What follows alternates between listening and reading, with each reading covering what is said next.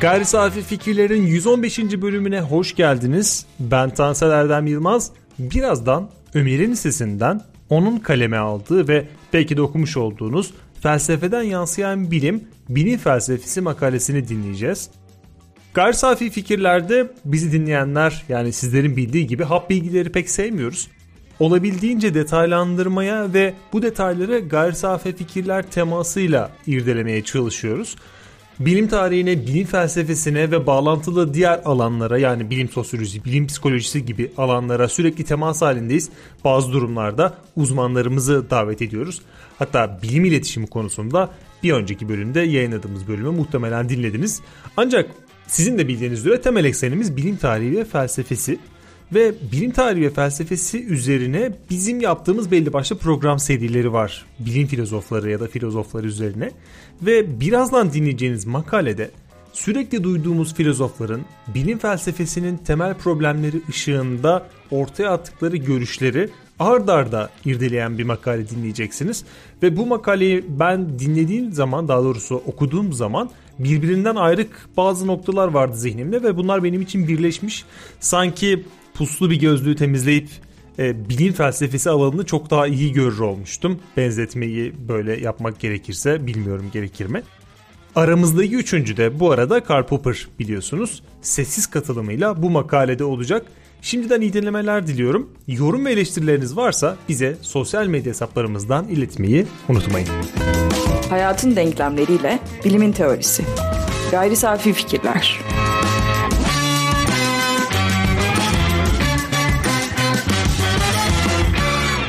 Felsefeden yansıyan bilim, bilim felsefesi. Bilim felsefesinin temel sorunları bağlamında kısa tarihi. Bilim ile felsefe arasında bir kopukluk olduğu, diğer bir deyişle, bunların özsel olarak ayrı alanlar ya da uğraşlar olduğu düşüncesi, temelde bilgiye belirli bir yaklaşım biçiminin sonucu olarak doğmuştur. Çağdaş dünyada bilim-felsefe ilişkisine dair düşüncelerin genel manzarasını Dominic Leco, Bilim Felsefesi adlı eserinde isabetli bir biçimde betimler. Ona göre çağdaş dünyada bilimlerden beklenen şey mümkün olduğunca herkesin yararına uygulanabilir nitelikte olgusal bilgi sağlamak ve bu bilgi aracılığıyla doğaya hakim olma yönündeki çabaların bizi kendi içimizde ve dışımızda maruz bıraktığı riskleri öngörmek ve gerektiğinde de bu riskleri önlemektir. Buna karşın felsefeden beklenen şey ise kolektif varoluşun en son sorunları hakkında insanları aydınlatmaktır. Bu yaklaşıma bağlı olarak somut gerçeklik hakkında somut ürünler veren bilim, entelektüel uğraşlar arasında en üst sırada görülürken somut gerçeklik hakkında olmayan felsefi spekülasyonları yine aynı nedene bağlı olarak yani somut gerçeklik hakkında olmayan ve bu nedenle de doğru veya doğrulanabilir cevaplar verilemez sorularla uğraşan bir tür uğraş olarak görme eğilimi oldukça yaygındır. Hatta günlük yaşamda felsefenin boş laflar üreten, en iyi ihtimalle de bir tür düşünce egzersizi olduğu kanısı yaygındır. Bilimsel sıfatının eklendiği her sözcük ya da bu bilimsel bir hakikattir sözü tartışmanın orada noktalanması gerektiğini ima ederken felsefi sıfatı bu etiketin çok uzak ve ilkinin aksine çok güçsüzdür. Diğer bir deyişle ve diğer taraftan Mesleği felsefe olan filozofların bir bölümü ise kaygıları arasında bilimi görmezler.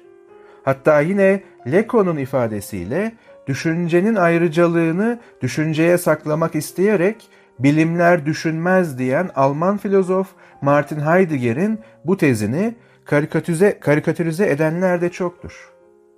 Bu karikatür içerisinde bilim ve bilimsel bilgiyi çağımızda yaşanan krizlerin tek sorumlusu olarak gösterme bilimsel bilgiyi mümkün olduğunca değersizleştirme çabası da göze çarpar.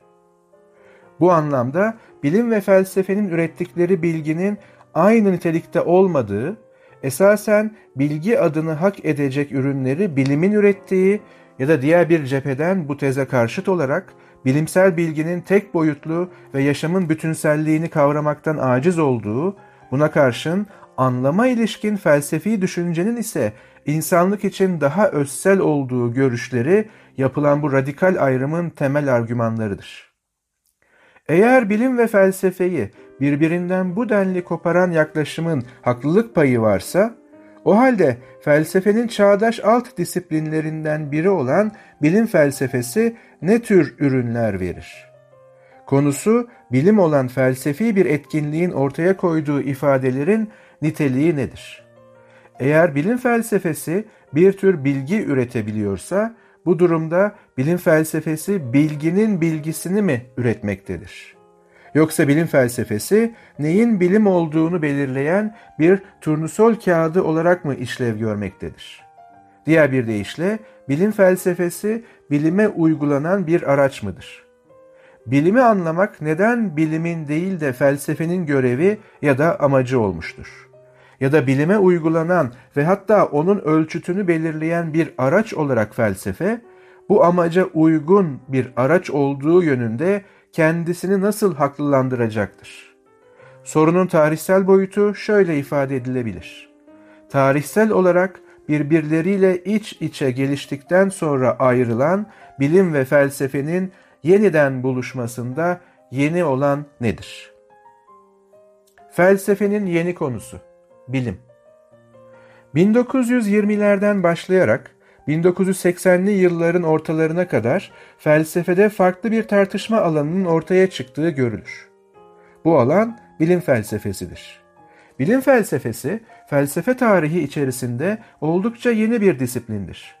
Bilim felsefesi doğrudan doğruya bilimin ürettiği bilginin niteliğini, kapsamını, üretirken başvurduğu araçları, bu araçların mahiyetlerini, bilimin tarihi etkilemiş kuramlarını ve bunların doğasını bütünüyle felsefenin sağladığı araçlarla irdeleyen ve sorgulayan bir etkinliktir. Felsefenin sağladığı bu araçlar, felsefe tarihinin ürettiği temel kavramların doğrudan bilim etkinliğine ve onun ürünlerine uygulanmasıdır. Bu uygulama, felsefe anlayışının kendisinde bazı değişimlere yol açmıştır. Bununla birlikte değişimin içerisinde felsefe kendi geleneğinden bağlarını koparmamıştır. Bilim felsefesi özellikle epistemoloji üzerinden felsefe tarihinin bütününe bağlanmaktadır. Bu yeni yönelim 20. yüzyılda bilim felsefesini adını almadan önce özellikle 18. yüzyıldaki epistemolojik tartışmalar çerçevesinde bir irdeleme araştırma alanı olarak ortaya çıkmıştır. 18. yüzyıl epistemoloji tartışmalarını öncesinden ayıran ve bu tartışmaların zamanla bilim felsefesine evrilmesine neden olan temel etken, felsefenin yürüyüşünden çok bilimin doğasından kaynaklanmaktadır. Çünkü bu tartışmalardan beslenmekle birlikte gittikçe özelleşen bilimin ilerleme sürecinde ortaya çıkan problemler, bilgi kavramı üzerinden kaçınılmaz olarak felsefenin konusu haline geldiğinde, Platon'dan beri süre gelen epistemoloji tartışmaları yeni bir boyut kazanmıştır. Bu ayrımı adlandırabilmek adına bu dönemle birlikte kendisini gösteren yeni anlayışa epistemolojiden ayrı olarak bilgi kuramı veya teorisi denmiştir. O halde bilim felsefesini anlamak adına sorulması gereken soru, felsefenin yaklaşık 2000 yıllık epistemoloji disiplinini yani bilgiye yaklaşımını değiştirecek denli bir değişimin yaşandığı 18. yüzyılın özelliğinin ne olduğuna yönelik olmalıdır. 18. yüzyıl batıda aydınlanma, bilimsel devrim ve yeni bilim dallarının ortaya çıktığı bir yüzyıl olarak görülmektedir. Süreç içerisinde doğa felsefesine adını bir yana bırakarak modern bilim adını alan özel bir tür entelektüel etkinlikte büyük değişimler görülmüş ve bu değişim ilerleme olarak adlandırılmıştır. Öyle ki ilerleme kavramı bu çağın temel motifi halini alırken bu sonucu açığa çıkaran etkinlik insanın entelektüel edimleri arasında başat bir yer edinmiştir.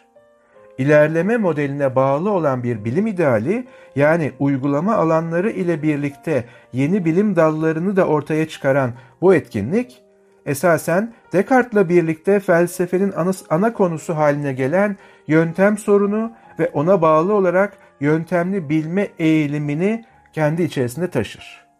Yöntemli bilme eğilimi bilimden yansımasını almış ve sorunu sonucu ilerleme ile biten ve doğa bilimlerinde başarı ile uygulanan bilimsel yöntemin niteliği nedir sorusuna dönüştürmüştür.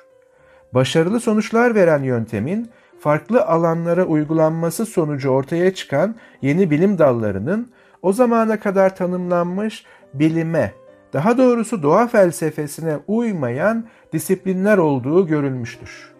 Örneğin, Aristoteles'e göre bilim, nedenlere ilişkin açıklamadır ve burada ortaya konulan bilgi apodeiktik yani kesin, doğru, zorunlu olmalıdır.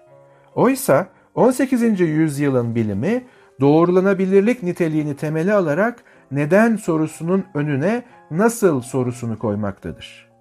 Başarılı olan yöntemi doğa ile birlikte kendisi de doğanın bir başka deyişle yasalılığın bir parçası olan insan ve topluma da uygulama girişimleri sosyoloji, tarih, psikoloji gibi sosyal bilimler adını alan veya alacak olan yeni disiplinleri ortaya çıkarmış fakat bu yeni disiplinleri geleneksel bilim tanımıyla bağdaştıramamıştır. Bu bağlamda söz konusu disiplinlerin bilim olup olmadığı tartışma konusu olmuştur. Böylelikle de bilim felsefesinin temel problemlerinden ilki, bu yeni durumu da kapsayacak biçimde bilimin yeniden tanımlanma ihtiyacından doğmuştur. Daha önce de değinildiği gibi, bu yüzyılda epistemolojik sorunlara bakışı büyük oranda değiştiren ve felsefenin yüz yüze kaldığı yeni koşul, bilimin felsefeden bağımsızlaşarak felsefenin daha önce yaptığı bilim tanımına uymayacak bir karakterde kendisini göstermesi ve başarı kazanmasıdır. Bu başarının açık görünümü bilimsel bilginin ya da bilimin ortaya koyduğu doğru bilgi vasıtasıyla somut ilerlemenin gözlenmiş olmasıdır. Bu gözlem, bilimsel bilginin ürünlerinin insan yaşamına gitgide daha çok noktada temas etmeye başlaması ile insanın özellikle doğa karşısında acziyetinin azalmakta ve Bacon'cı anlamda güç kazanmakta olduğunu göstermiştir. 18. yüzyılda yaşanan bu devrimi anlamak için çağımızdan bir iki örnek vermek yeterli olacaktır. Telefonu kaldırıp yer kürenin öteki ucundaki biriyle konuşmak ya da üzerinde yaşadığımız yer kürenin uzaydan çekilmiş fotoğrafına yerimizden dahi kalkmadan ulaşabilmek artık günlük yaşamın olağan parçalarıdır. Artık günlük yaşam bilgisayarlar, televizyonlar, telekomünikasyon araçları ve benzeri teknoloji ürünleri olmaksızın hayal bile edilemez. James Ladyman'ın ifadesiyle saban, tekerlek, sargı bezi ve çatalı geliştirmek teori olmaksızın, olmaksızın da olanaklıyken elektronik aletler, uzay araçları, mikro cerrahi ve kitle imha silahları özellikle son birkaç yüzyıl içerisinde geliştirilmiş bilimsel teoriler ve yöntemler olmasaydı var olamayacaklardı. Bilim ve teknoloji ürünleri yaşamlarımızda ve çevremizi biçimlendirmemizde çok büyük bir etkiye sahiptir. Eğer bu konuda bir şüpheniz varsa günlük yaşamınızı elektrikle çalışan ya da plastik içeren hiçbir şeyi kullanmadan geçirmeyi deneyin ya da bunu hayal edin. Oysa bu araçların insan hayatına dahil oluşlarının tarihi, insanlığın bilinçli olarak bilgiyi kendine konu edinmesine göre çok yenidir. Elbette ki tüm bu gelişmenin ya da ilerlemenin olumsuz yönleri de söz konusudur. Fakat bu ilerlemeyi açığa çıkaran bir değişimin yaşanmış olduğu tartışmasızdır. Etkileri ister iyi, isterse de kötü olarak değerlendirilsin, bu teknolojilerin hiçbiri bilim olmaksızın gerçekleştirilemezdi.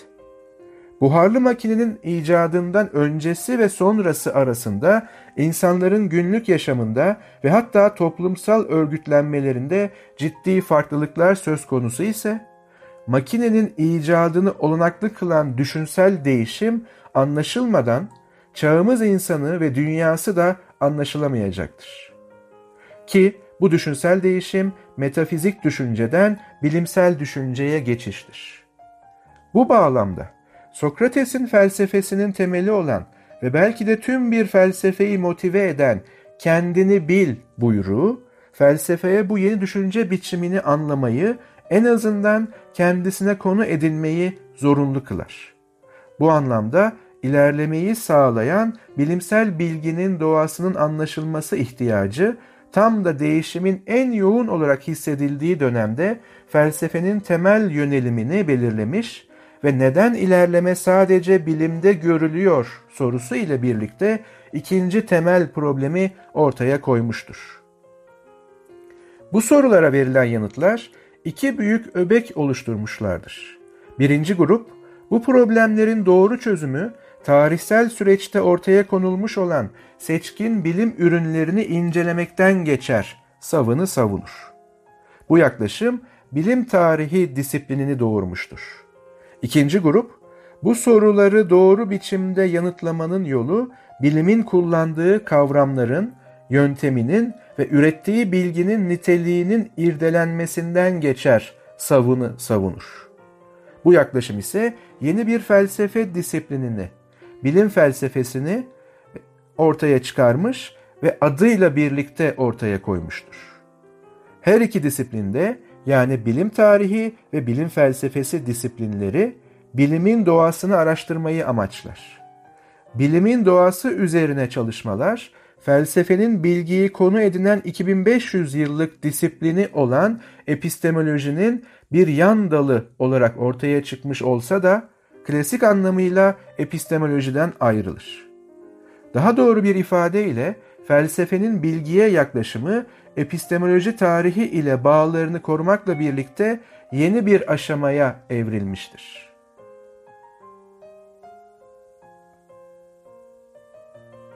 Bu bağlardan en önemlisi Platon'dan bu yana varlığını koruyan bilgiye ilişkin doğruluğun uygunluk kuramını ve onun bazı problemlerini bilim felsefesinin büyük oranda devralmış olmasıdır.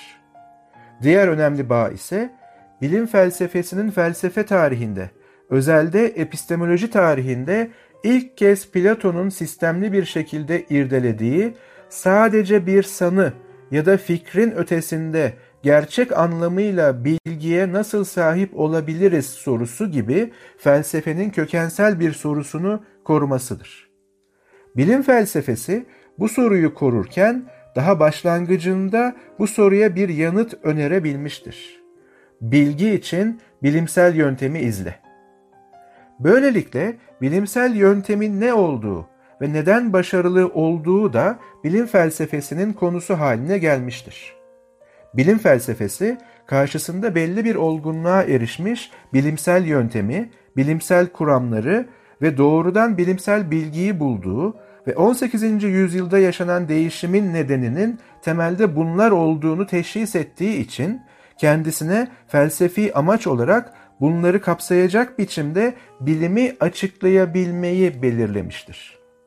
Diğer bir deyişle amaç kökensel olarak bilgiyi sorgulamak değil, bilimsel bilgiyi oluşturan koşulları açıklayabilmektir. Bu nedenle de epistemolojiden bilgi felsefesine veya bilgi teorisine doğru bir değişim yaşanmıştır. Bu değişim ile birlikte 18. yüzyıldan itibaren felsefede ontoloji alanında göreli olarak daha az ürün verilmeye başlanmıştır. Bu durumun nedenlerinden biri artık ontoloji konusunda verimli cevapların bilimden, özellikle de fizikten geldiğine inanılıyor olmasıydı. Bu inanç önemlidir. Çünkü felsefenin kadim ontoloji sorularına bilimin yanıt verebildiğine dair sav, bu inanç temelinde savunulabilmektedir.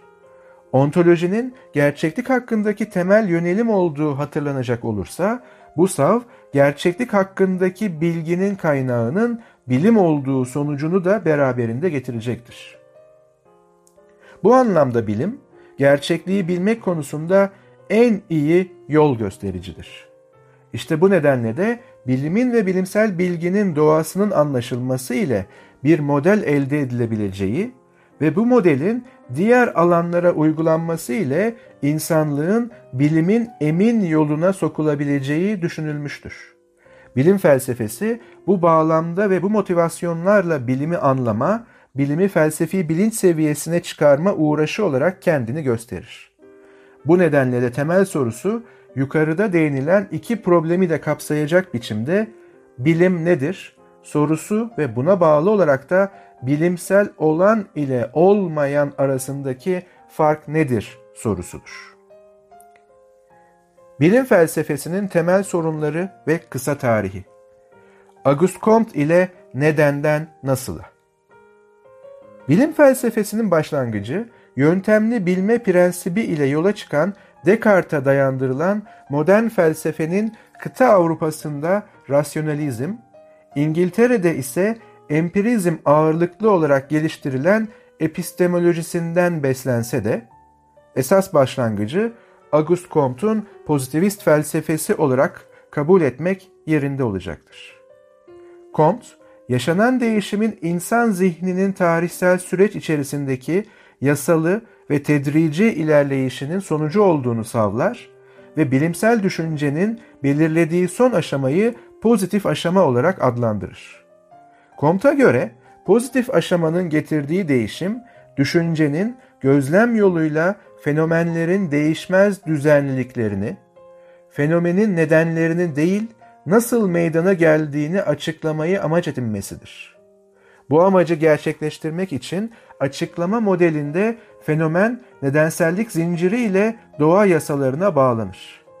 Doğa yasaları genel olgular olarak ele alınırlar ve temelde fenomenler arası değişmez ilişkiler olarak görülürler.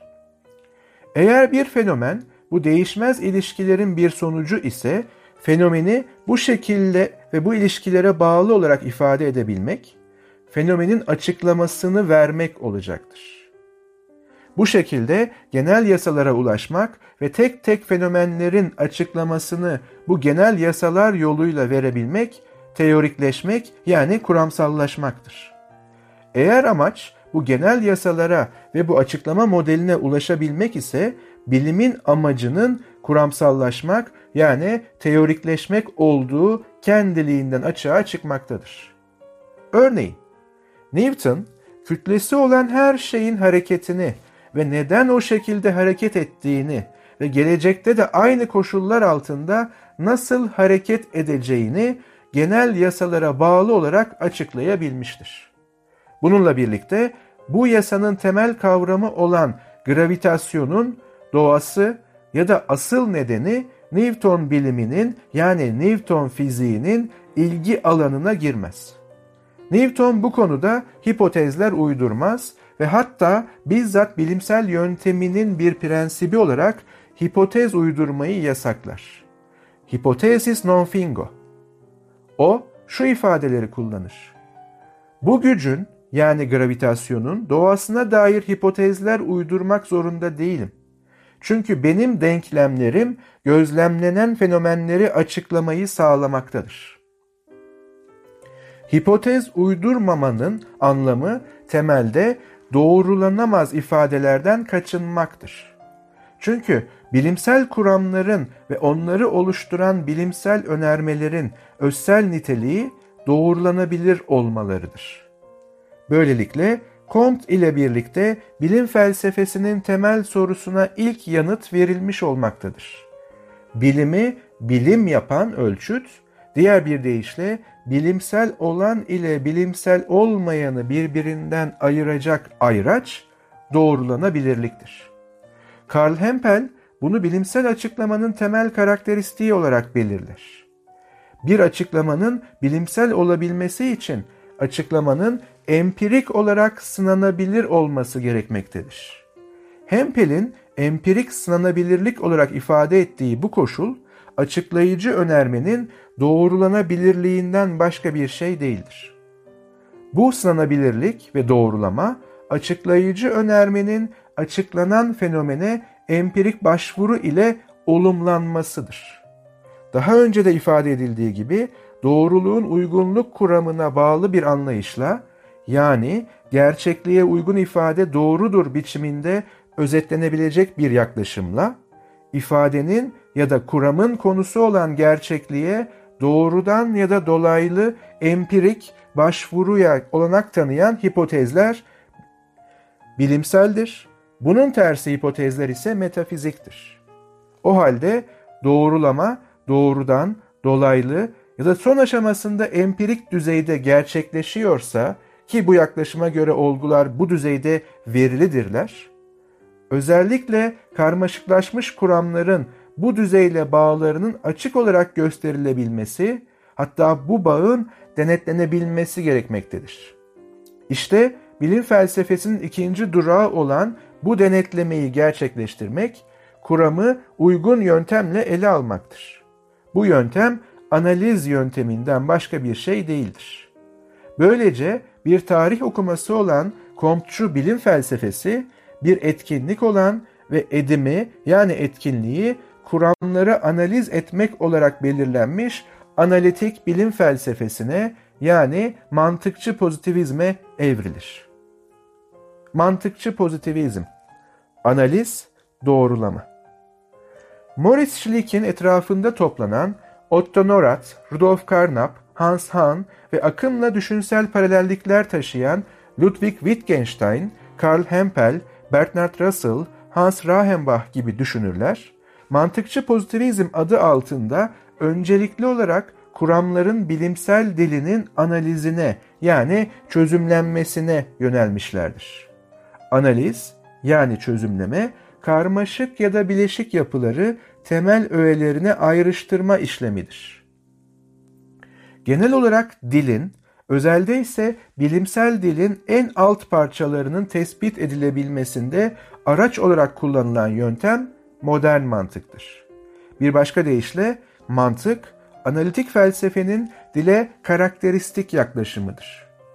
Analitik felsefenin temele aldığı modern mantık, klasik mantığın Hint-Avrupa dillerinin gramer yapısına dayalı olarak benzer ya da aynı olarak gördüğü önermeler arasındaki farkı açığa çıkarmaktadır. Aynı gibi görülen önermelerin farklı formda önermeler olduğunun ortaya çıkarılması, klasik, özne, yüklem, koşaç yani kapula bağıntısına indirgenen önermeler arasındaki çeşitliliğin ortaya çıkarılmasıdır.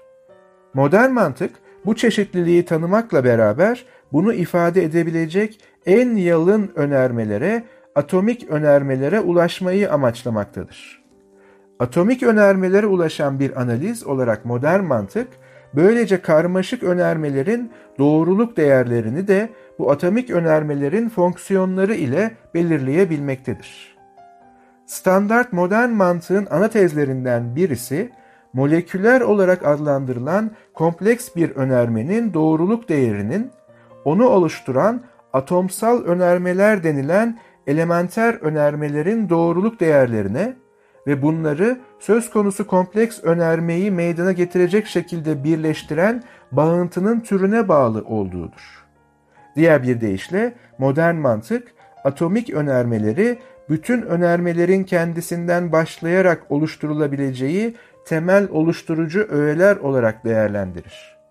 Niceleyiciler yardımıyla tümel ve tikel önermeler ayırt edilebilirken, değişkenlere değişmez bir tekile başvurarak değer verilmesiyle de tekil önermeler elde edilebilmektedir. Böylece de adım adım bir türetme olanaklı hale gelirken doğruluk fonksiyonu ile de karmaşık önermelerin doğruluk denetlemesi yapılabilmektedir. Dolaysız olarak empirik veriyle ilişkiye sokulabilir olan atomik önermeler mantık aracılığıyla aynı matematiksel bir işlem yapılıyormuş gibi karmaşık önermeler ile ilişkilendirilebilir ve böylece karmaşık önermeler kendilerini oluşturan atomik önermelerin doğruluk fonksiyonları üzerinden doğru ya da yanlış değerini alabilirler. Mantıkçı pozitivizm, Ludwig Wittgenstein'ın düşüncelerine dayanarak bir adım daha ileriye gider ve bu şekilde doğrulanamayan hiçbir ifadenin anlamlı da olamayacağını öne sürer. Böylelikle de son aşamada sadece bilimin önermeleri anlamlıdır çıkarımına ulaşılmıştır. Çünkü bilimin önermeleri doğaya yani gerçekliğe tutulan aynalardır. İronik olarak bu sonuca karşı çıkarak karşısına güçlü bir anlam kuramı çıkaracak olan kişi yine Ludwig Wittgenstein olacaktır. Felsefi soruşturmalar Wittgenstein'in ikinci döneminde Ludwig Wittgenstein bizzat kendi fikirlerini revize edip yer yer onları yanlışlayacaktır. Ancak bilim felsefesinin yüzleşmesi gereken ilk sorun anlam kuramı bağlamında değil, sınırlandırma ayracı yani neyin bilim neyin bilim olmadığını ortaya koyan ölçüt olarak belirlenen doğrulanabilirlik anlayışında kendisini göstermiştir. Gittikçe üst düzeyde kuramsallaşma ve hatta kuramlar üzerine kuramlar oluşturulması, kuram içerisinde empirik düzey ile bağların açık olarak gösterilememesi sonucunu doğurmuştur. Bu nedenle doğrudan doğrulama ayraç olarak alındığında bu tür kuramlar dönem itibariyle Einstein'ın görelilik kuramı bilimsel bir kuram olarak kabul edilemez kalmaktadır.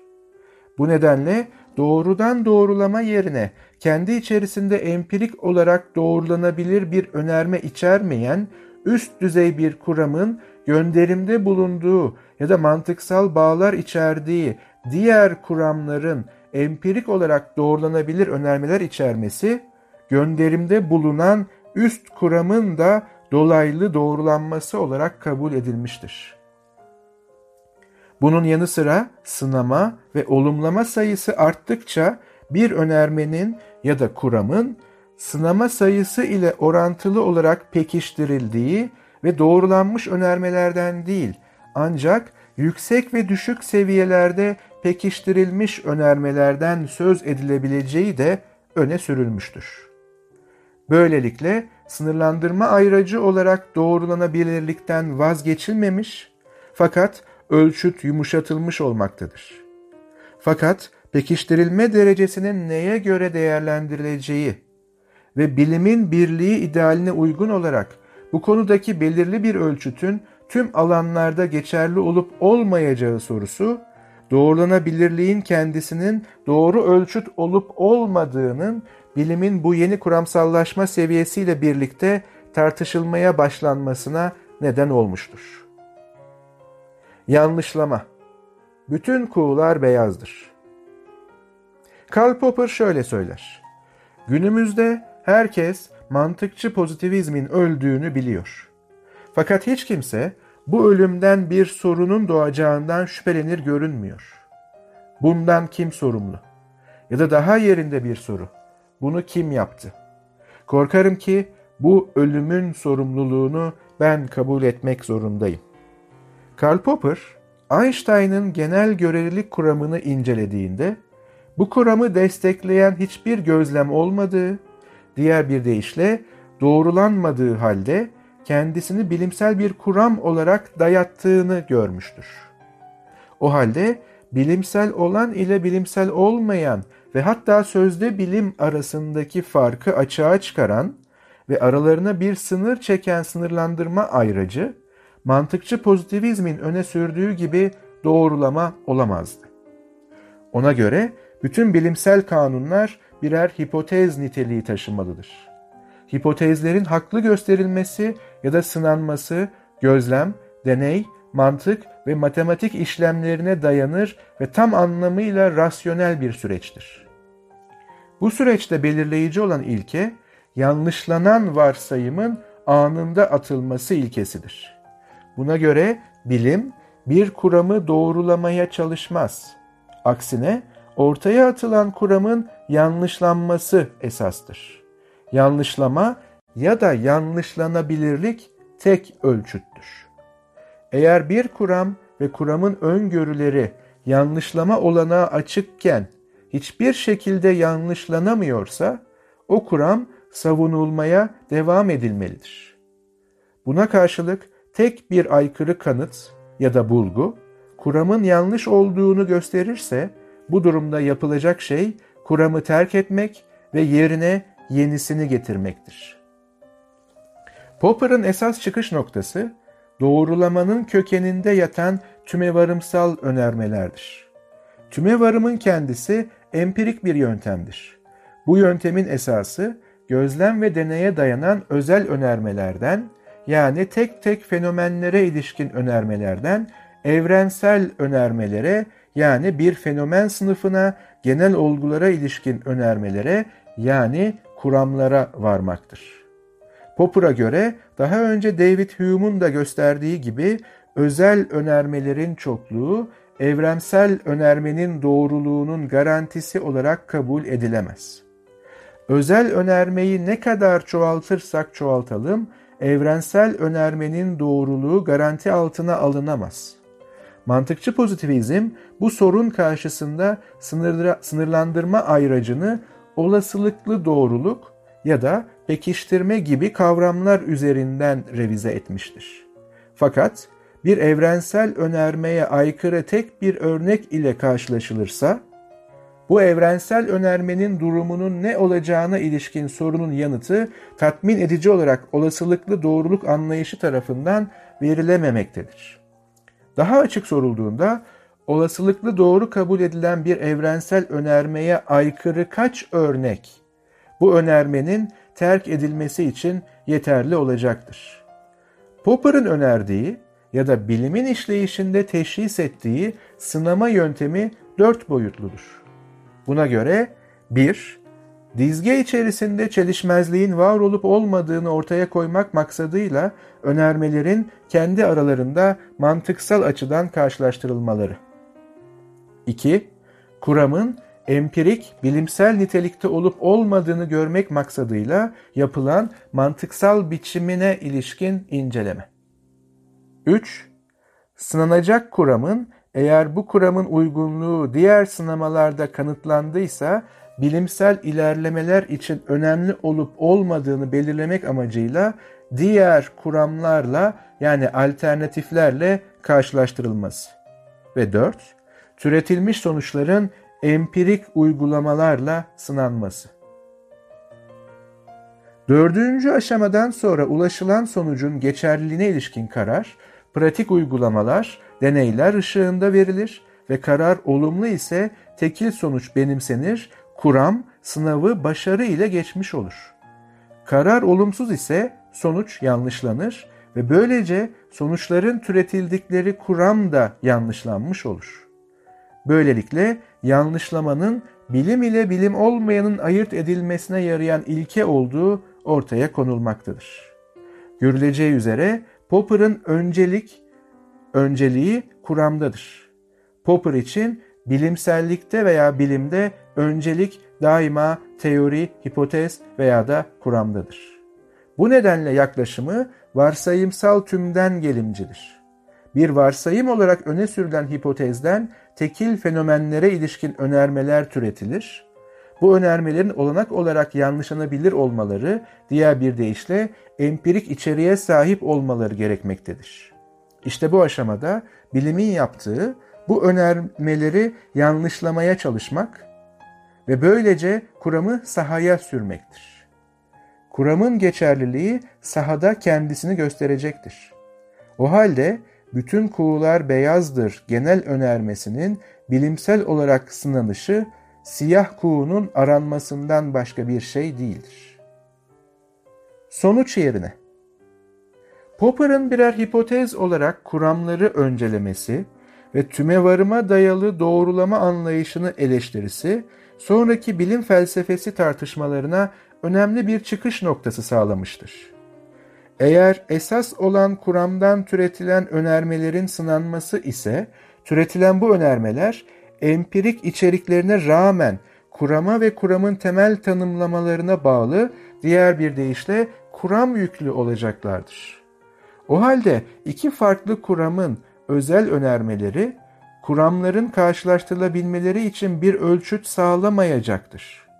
Bu durumda da Popper'ın sınama işleminin üçüncü boyutu problemli hale gelirken, örneğin Aristoteles'in kuramı ile Galileo'nun kuramının nasıl karşılaştırılacağı sorusu önem kazanmıştır.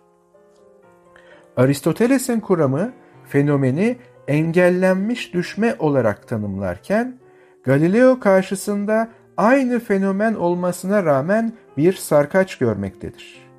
Oysa ikisi de aynı empirik veri yığınına bakmaktadırlar. İşte bu problem Thomas Kuhn ile birlikte çağdaş bilim felsefesinin ve onun üzerinden de bilime yöneltilen postmodern eleştirilerin kapısını aralamıştır. Bu konuyu başka bir yazıda detaylı olarak ele almak daha verimli olacağından karşılaşılan yeni problemin bu şekilde betimlenmesi ile yetinelim. Bilim felsefesine ilişkin kısa tarih burada noktalanırken, metnin başında sorulan soruya kısa bir ekleme yapılarak sorunun yanıtı bu kısa tarih ışığında felsefeye bir davet olarak okuyucuya veya dinleyiciye bırakılmaktadır. Eğer bilim felsefesi bilime bir tür ayna tutmak ise, bilime ayna tutmak, bilimin ya da bilginin bilgisini mi üretmektedir? Yoksa bilim felsefesi neyin bilim olduğunu belirleyen bir turnusol kağıdı olarak araçsal bir işlev mi görmektedir? Bu durumda bilim felsefecisi bu aracı kullanmayı bilen kişidir ve bilgisi know-how bilgisidir. Soruya verilecek yanıt doğrudan doğruya benimsenmiş doğruluk kuramı ile bağlantılı olacaktır. Filozofa düşen görev, bilimin sağladığı yeni veriler ışığında en eski sorularından birisine geri dönmek ve doğruluk kuramını antik Yunan'dan pozitivizme, oradan da günümüze varan bilgi tartışmasının bütünlüğü içinde yeniden ele almaktır. Hayatın denklemleriyle bilimin teorisi. Gayri safi fikirler.